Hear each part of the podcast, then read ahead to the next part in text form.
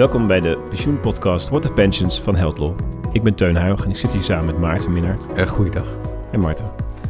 We gaan een Hoge Raad uitspraak bespreken van 21 mei. Ik was een beetje, het was een beetje toeval, maar ik kom er net achter dat dat mooi aansluit bij de aflevering die jij met Mark hebt opgenomen over Ja. de pannenkoeken. Het pannenkoekenarrest, ja. Nee, klopt. Daar, toch? er zit een linkje. Ja. Dit gaat over betalingsonmacht en eh, aansprakelijkheid van bestuurders... voor het niet afdragen van pensioenpremies. Mhm. Ehm, eh, en eh, die pannenkoekzaak ging om de vraag of een onderneming onder de werkingssfeer van dat betreffende bedrijfstak pensioenfonds eh, zou, vallen of niet. En we hebben toen uitgelegd dat, eh dat zo tot aan de Hoge Raad en terug procederen, Mhm. is dat als het zo is dat een werknemer onder de werkingssfeer valt en een werkgever vindt van niet en betaalt geen premie, Ja. maar die werknemer eh, eh, claimt terecht pensioenen eh, Ja. bij dat BPF, dat, die, dat Ja. BPF die pensioenen moet uitkeren, ongeacht of de premies betaalt. Dus Ben je wel gewoon- premie, geen premie, wel recht. That's dat, it. dat uitgangspunt. Ja, dat, dat kan dus zo zijn dat je 20 jaar later iemand krijgt die je niet kent, geen premie hebt gekregen, daar moet je voor betalen. Ben je gewoon de lul als fonds. Ja. En het leuke van deze uitspraak is, hij- het gaat over een van de tools die dan een fonds heeft om dat risico een beetje te mitigeren. Ja. Zou ik zeggen, toch? Ja, en ook om misbruiken tegen te gaan.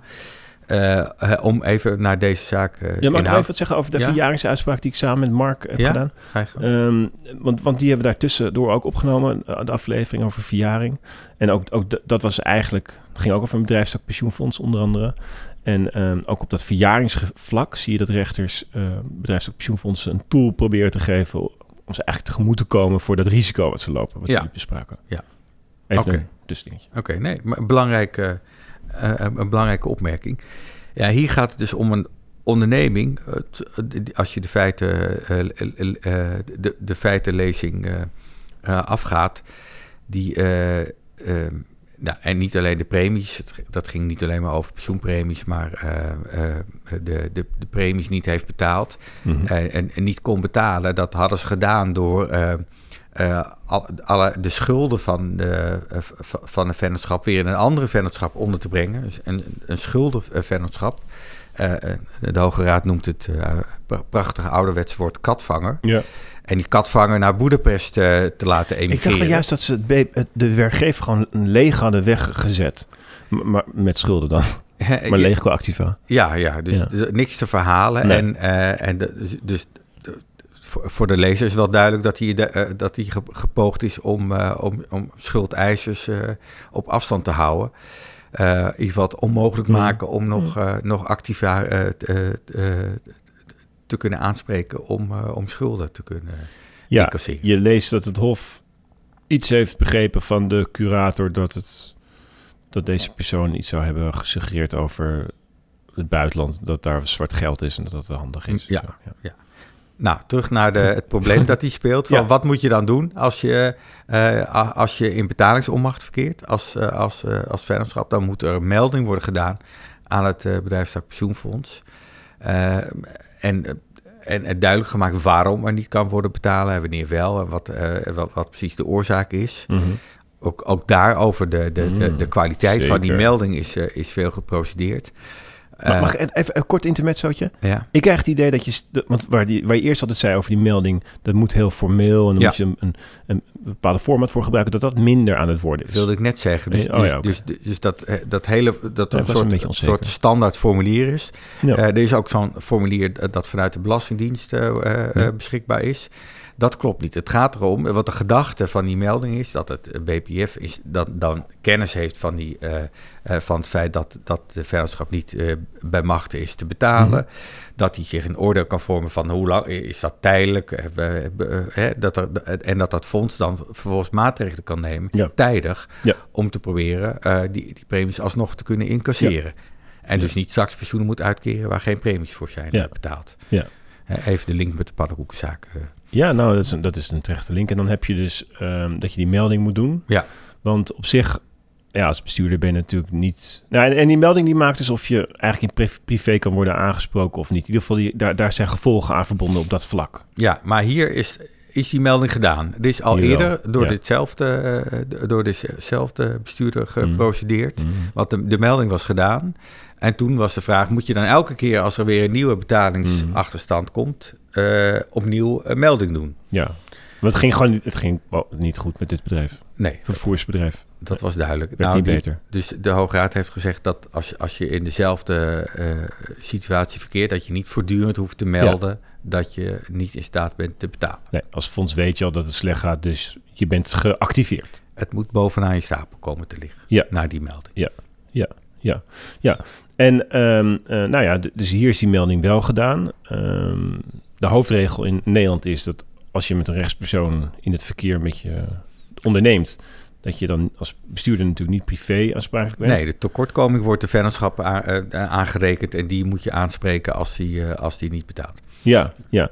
Ehm, ehm, maar dan ontstaat er dus bij die melding dat als je ehm, dat niet hebt gedaan, ik, dat, ik weet dat dat hier wel is gedaan, eh, want dat was de inzet van die uitspraak uit 2017 van de Hoge Raad. Eh, maar stel nou dat je het niet doet, Mhm. die melding, dan zegt de wet volgens mij, ja, dan gaan we kijken in de drie jaar voorafgaand aan het moment waarop je had moeten melden. Ja, dan gaan we ervan uit dat het aan jou als bestuurder te, mel- eh, eh, te wijten is... dat die eh, melding niet is gedaan. Of Mm. dat die premies niet zijn Ja. afgedaan. Ja, en en dan, als je kunt aantonen dat het niet door jou kwam, dat die melding niet is gedaan en er geen sprake was van kennelijk onredelijk bestuur, dan kun je ook langs die weg de dans ontspringen Ja, als goed. bestuurder. Dat speelde hier dus niet. Hier is die melding wel gedaan. Ehm, en dan ehm, geldt een ander regime, toch? Ja. Dan, dan, dan ben je feitelijk ehm, op zich moet dan het. Ben je dan Fonds- buurtvrij? Eh, Nee, je bent zeker niet buurtvrij. Nee, nee als je het nog steeds als je stout bent geweest, dan kan je persoonlijk aansprakelijk zijn. Ja. Alleen doordat je die melding hebt gedaan, is het op dat moment wel het fonds dat aannemelijk moet maken ja. dat jij in die. Daar, daar kom ik dan naar. In die ja, dat het jaar. niet betalen van de bijdrage het gevolg is van een aan hem te wijten kennelijk onbehoorlijk bestuur in een Ja. periode van drie jaar voorafgaand aan het tijdstip van de Maar dit zouden we mededeling. niet doen. Dit zouden we niet doen. Maar het is even handig Nee, om het nee, volgens mij is het- Dus, eh, plat gezegd, als Ja. wij het eh, kort zouden samenvatten, is het als je in die drie jaar daar- eh, daarvoor stout bent geweest en het fonds moet bewijzen dat je stout was geweest in die periode. Je moest mededelen. Op het moment dat je dat moest gaan doen, drie, ma- drie jaar daar voorafgaand, als je dan stout bent geweest en het is daarvan het gevolg. En aannemelijk gemaakt door het fonds, Ja. dan ben je de sjaak. En, en jij had het tegen mij erover van ja, ehm, eh, het is eigenlijk een, ook een beetje een bewijslastding. Hè? Want als je wel, ik, ik leg nu een woord in je mond hoor, maar als je wel meldt, dan moet het fonds bewijzen. En als je niet meldt, dan moet jij bewijzen eigenlijk als, Ja. als bestuurder hè? dat Ja. je niet stout bent geweest. Ja. ja. ja ik, ik, las, ik las in de wetgeschiedenis dat dat, dat, dat ik, ik zie dat in rechtspraak zie je dat eigenlijk overal wel. Hè? Dat het fonds inderdaad moet, eh, moet bewijzen dan als je wel meldt. En, en in, in de wetgeschiedenis zie je ook wel lezen, zie staan dat eigenlijk de vrijheid wordt gegeven aan de rechter, omdat nou ja, dat het niet zo, zo strikt een bewijsding is, maar meer een aannemelijkheid. Oké. Aannemelijk maken. Ehm, Maar deze bestuurder heeft dus gemeld. Ja. Ehm, eh, eh, in een, op een bepaald moment. En eh, maar de betalingsopmacht die blijft maar voortduren. Ja, we gaan naar deze uitspraak. Want in, in de, deze uitspraak had je ehm, de- dus een vervoerder. En ehm, ja, die, die vervoerder die krijgt het eerst voor elkaar, die bestuurder krijgt het eerst voor elkaar bij de Hoge Raad dat hij dus niet elke maand weer opnieuw had moeten melden. Eén keer was voldoende. Dat was in 2017. Ja. Ehm, en nu heeft hij eigenlijk gewoon, ja, nou, hij probeert het opnieuw, want het bestuur, het fonds zegt dan eh, na die Hoge Raad uitspraak, oké, dan heb je wel juist gemeld, dus moeten wij dat nu aannemelijk gaan maken dat je stout bent geweest. Ja, Ehm, en dat lukt. Dat lukt. Ja, dat lukt bij het Hof. Ja. Ja, dat lukt bij het Hof. Ehm, en hoe, hoe lukt dat? Nou, omdat het duidelijk is dat er, dat die, die, eh, dat er, dat, dat er een sprake is van een schuldenvennootschap... waar eh, die ook nog eens eh geëmigreerde naar Hongarije... Ja, waarbij het de schuldeisers eh, onmogelijk werd gemaakt om nog eh, actief aan te kunnen spreken. Eh, dus dat geldt ook voor, het, voor, Ja. dit, voor dit Ja, BPF. het Hof zei zoiets van, je had eigenlijk gewoon heel goed, je wist donders goed of had je moeten weten dat je eigenlijk het verhaal illusoir maakt. Dit leest duidelijk als, als een doelbewuste actie om, om het schuldeisers onmogelijk te maken om... eh, Nee, Maarten, is het illusoir of illusoor? ja. Ik weet het nooit. Boeit verder niet. Maar, ehm, dus deze, deze bestuurder, die... Soor. Wat? Illusor? Ja, het klinkt ook beter. Hè? Maar deze bestuurder die krijgt daar dus uiteindelijk dan toch het lid op de neus. Maar gaat naar de Hoge Raad weer voor de zoveelste keer. Tweede keer, oké. En 21 mei is daar de uitspraak van. Want wat, wat zegt die uh, bestuurder? Die zegt van... Ja, hallo, uh, ik kijk naar artikel 23 lid 3. En ja, dan komt dat verhaal van... Wanneer had ik voor het eerst moeten melden? Nou, dat was in 2009. Heb ik gedaan. Heb ik gedaan. En nou gaan we dus drie, drie jaar vooraf gaan kijken. En wat jij mij verwijt... Hè, de dingen die ik dan stout zou hebben gedaan... Ja, die hebben niet plaatsgevonden in die drie jaar daarvoor. Nee. Ja, ja. nou lachen toch? Ja. Dus, dus dan is, dat, is die hele regeling van artikel 23 uh, lid 3 geldt dan niet, zegt hij. Ja, ja. ja en, Daar gaat de Hoge Raad er niet, in, niet in mee. Die zegt van... maar even, uh, even voordat je daaraan begint. Um, gewoon gut feeling. Ja, je hebt hem natuurlijk al gelezen, maar um, heeft hij gelijk of niet? Nee, dit is natuurlijk... Dat, dus, dus je doet een melding. Ik vind het een, terechte uitspraak van de Hoge Raad... dat je niet elke, weer elke dag, elke volgende maand... weer opnieuw hmm. moet gaan melden. Want dat, daar bereik je helemaal niets mee. Ook Nee. niet uh, in het voordeel van het fonds. Nee. Uh, maar Nee. dat geeft natuurlijk niet een vrijbrief om, uh, om vervolgens uh, te wachten en dan allerlei dingen uit te spoken, waardoor niemand meer zijn vordering te gelden kan maken, omdat je, zoals in dit geval, je, je vennootschap hebt leeggetrokken of, of hebt, hebt, hebt doen emigreren. Um, Mhm. mm -hmm. Dus de, nee, de uit, de, met, de, met de uitkomst kan ik wel leven, ja, inderdaad. Ja, ja, ja want die rechter zegt, die rechter, de, de, de Hoge Raad zegt, uh, die geeft eigenlijk het Hof gelijk. Je moet, um, het, je moet eigenlijk doen alsof je uh, voor, voor, de, voor, de, voor de persoonlijke aansprakelijkheid moet je wel doen alsof je steeds moet melden. Dat is, ja. dat is eigenlijk de ja, bottom line van Daar zit een beetje iets geks in. Dus je moet net doen alsof je toch moet melden. En ja. dan kijk je dus in die drie jaar daarvoor. Um, uh, dat is, lijkt een beetje in tegenspraak uh, met wat de Hoge Raad eerder uh, oordeelde. Namelijk dat je niet elke keer hoeft te melden. Maar hier wordt zeg maar voor de termijn waarin je kijkt waarbinnen je stout bent geweest, wel elke keer teruggekeken uh, in de, de drie Kijk, en als je naar de wetgeschiedenis kijkt, want waarom is die beperking van drie jaar er? Omdat um, de, de wetgever in 1984 of 85 zegt van, ja, weet je, die persoonlijke aansprakelijkheid is een uitzondering, die privé-aansprakelijkheid op de hoofdregel dat je als bestuurder niet in privé aan te spreken bent.